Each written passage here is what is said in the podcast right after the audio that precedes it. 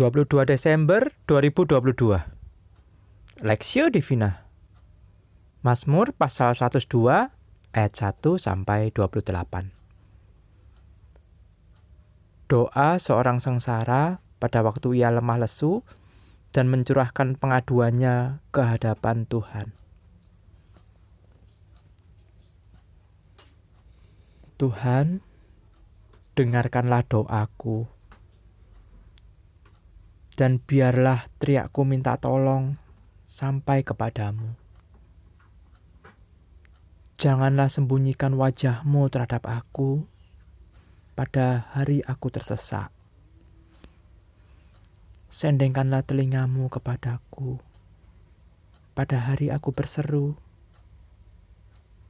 Segeralah menjawab aku. Sebab Hari-hariku habis seperti asap. Tulang-tulangku membara seperti perapian. Hatiku terpukul dan layu seperti rumput. Sehingga aku lupa makan rotiku. Oleh sebab keluhanku yang nyaring, aku tinggal tulang belulang. Aku sudah menyerupai burung undan di padang gurun.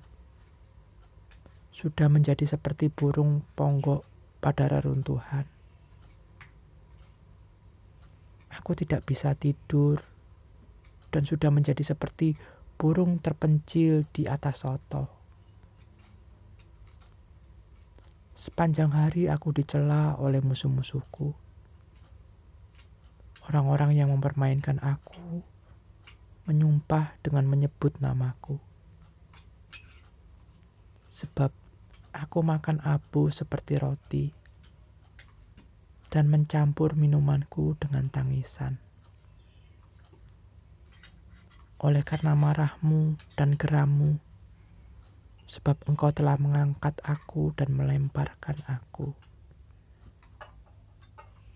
Hari-hariku seperti bayang-bayang memanjang dan aku sendiri layu seperti rumput. Tetapi Engkau, ya Tuhan, bersemayam untuk selama-lamanya, dan namamu tetap turun-temurun. Engkau sendiri akan bangun dan menyayangi Sion, sebab sudah waktunya untuk mengasihaninya. Sudah tiba saatnya. Sebab hamba-hambamu sayang kepada batu-batunya dan merasa kasihan akan debunya. Maka bangsa-bangsa menjadi takut akan nama Tuhan. Dan semua raja bumi akan kemuliaanmu bila Tuhan sudah membangun Sion, sudah menampakkan diri dalam kemuliaannya, sudah berpaling dan mendengarkan doa orang-orang yang bulus dan tidak memandang hina doa mereka. Biarlah hal ini dituliskan bagi angkatan yang kemudian dan bangsa yang diciptakan nanti akan memuji-muji Tuhan. Sebab ia telah memandang dari ketinggiannya yang kudus. Tuhan memandang dari sorga ke bumi untuk mendengar keluhan orang tahanan, untuk membebaskan orang-orang yang ditentukan mati dibunuh, supaya nama Tuhan diceritakan di Sion dan dia dipuji-puji di Yerusalem. Apabila berkumpul bersama-sama bangsa-bangsa dan kerajaan-kerajaan untuk beribadah kepada Tuhan, ia telah mematahkan kekuatanku di jalan dan memperpendek umurku.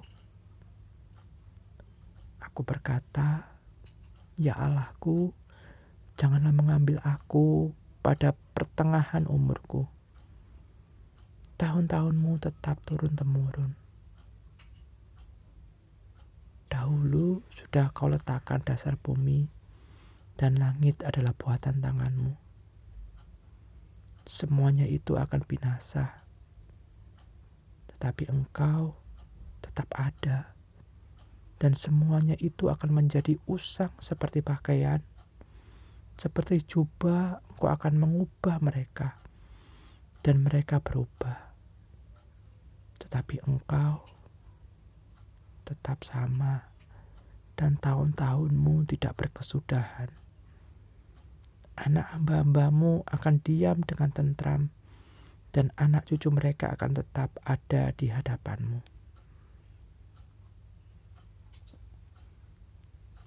Allah tidak berubah perspektif, tetapi engkau tetap sama dan tahun-tahunmu tidak berkesudahan. Mazmur pasal 102 ayat 28. Kepribadian dan jati diri seorang sangat dipengepeng saat dipengaruhi lingkungan di mana ia bertumbuh. Ia mencakup ini mencakup keluarga, sistem kepercayaan, interaksi sosial, pengetahuan, dan sebagainya. Menurut naturnya, manusia memang akan selalu mengalami perubahan fisik, emosi, maupun rohani. Secara fisik, manusia akan bertambah renta dan mengeriput, serta lebih rentan akan penyakit. Secara emosi, ia mudah diombang-ambingkan oleh situasi hidup, pengalaman, dan kondisi sekitar. Secara, secara rohani, ia dapat mengalami kemerosotan atau juga pertumbuhan iman. Berbeda dengan manusia, Tuhan adalah Allah yang tidak berubah, yang tidak dipengaruhi apa pun di luar dirinya. Tuhan tetaplah sama, dari kekal hingga kekal seperti pujian yang dinyanyikan pemazmur. Pemazmur percaya kepada Tuhan yang tidak berubah itu.